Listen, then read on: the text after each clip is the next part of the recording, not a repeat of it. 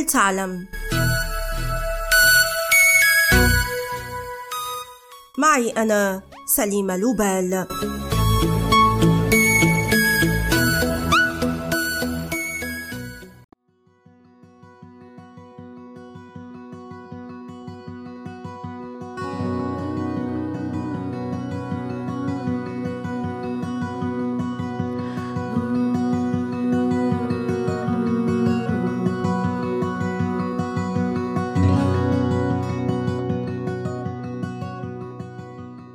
اكتشف الإسبان الفانيلا في المكسيك في عام 1519 وهي ثمرة عطرية تنمو في شكل قرون انطلاقا من زهرة تشبه لدى قطفها البازلاء أو الفاصوليا الخضراء ويتم تجفيف عيدانها لشهور حتى يسود لونها قبل أن تستخرج بذورها السوداء الصغيرة. واليوم تتمركز زراعة الفانيلا في مدغشقر التي تستحوذ على 80% من الإنتاج العالمي وجزيرة لاغيونيون الفرنسية والمكسيك وتاهيتي وأندونيسيا. تعد زراعة الفانيلا الزراعة الوحيدة التي ما تزال تعتمد في كل مراحلها على العمل اليدوي. أما أنواعها فهي فانيلا بوربان القادمة من المحيط الهندي سواء من مدغشقر أو جزر القمر أو جزيرة موريشيوس وتتميز قرونها بلونها الأسود الداكن كما أنها دهنية ومرنة وتنبعث منها رائحة تمزج بين رائحة الورود والكاكاو. تعتبر الفانيلا من المنتجات الفاخرة إذ لا يزيد مستوى إنتاجها عن ثمانية آلاف طن سنويا في العالم بقيمة أربعة مليارات دولار كما تعتبر مدغشقر وأندونيسيا أبرز منتجين لها بينما تعد الولايات المتحدة الأمريكية وفرنسا وألمانيا أهم دول مستوردة للفانيلا في العالم.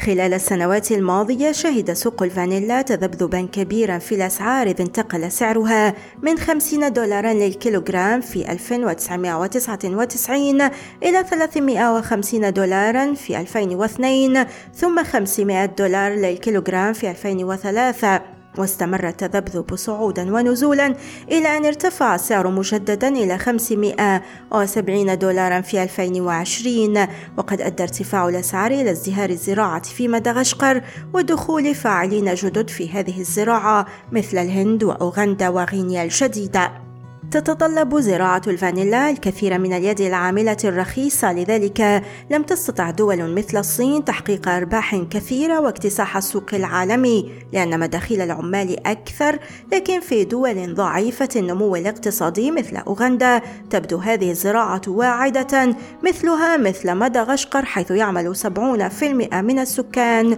في زراعة الفانيلا.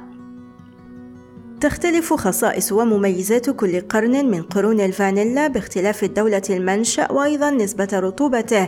فبعد التجفيف تحت أشعة الشمس ثم في الظل يتفاعل كل قرن بطريقة مختلفة. فبعض القرون تجف بسرعة مقارنة بأخرى لكن جودتها لا يمكن الحكم عليها إلا بعد نضجها.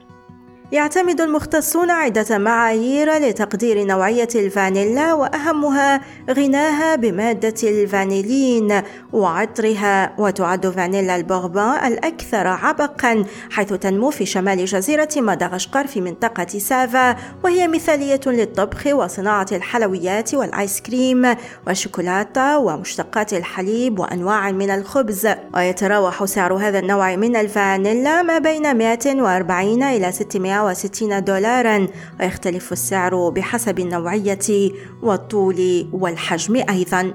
تعد الفانيلا ثاني أغلى التوابل في العالم بعد الزعفران وقرونها هي المنتج الخام الأكثر غنى بالعطر ويشير خبراء إلى أن ثمانية عطور من أصل كل عشرة تستخدم الفانيلا في تركيبتها.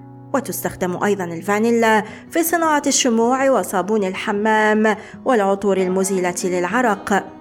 أثبت الكيميائيون أن رائحة الفانيلا مصدرها الفانيلين وهو مكون عطري قوي جدا ويمكن استخلاصه من قرون الفانيلا. ومن الفانيلين الطبيعي الصافي يمكن تصنيع بلورات الفانيلا ويمكن استخلاص 25 جراما من الفانيلين من كيلوغرام واحد من القرون. لذلك يصل سعر الكيلوغرام الواحد من مستخلص الفانيلا إلى 2500 دولار. ولهذا السبب يتم غالبا استبداله بالفانيلين الصناعي المستخلص من مشتقات البترول. والفانيلين الصناعي يشبه تماما الفانيلين المستخلص من قرون الفانيلا أو ذلك الذي ينتج عن تخمر أوراق الصنوبر الإبري. أما سعره فلا يتجاوز في الغالب خمسة دولارات لكن هذا المنتج الصناعي لا يحبذه المستهلكون كثيرا لأن رائحته تختلف تماما عن رائحة الفانيلين الطبيعي. في نهاية بحثي عن الفانيلا لإعداد هذه الحلقة من بودكاست هل تعلم اكتشفت عدة حقائق؟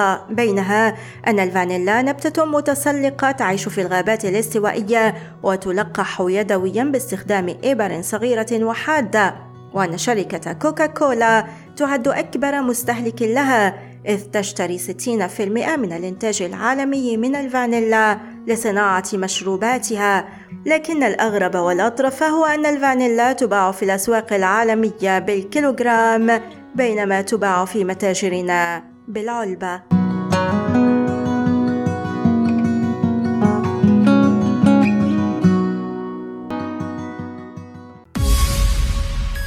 والآن إلى اللقاء مع حلقة جديدة من بودكاست هل تعلم؟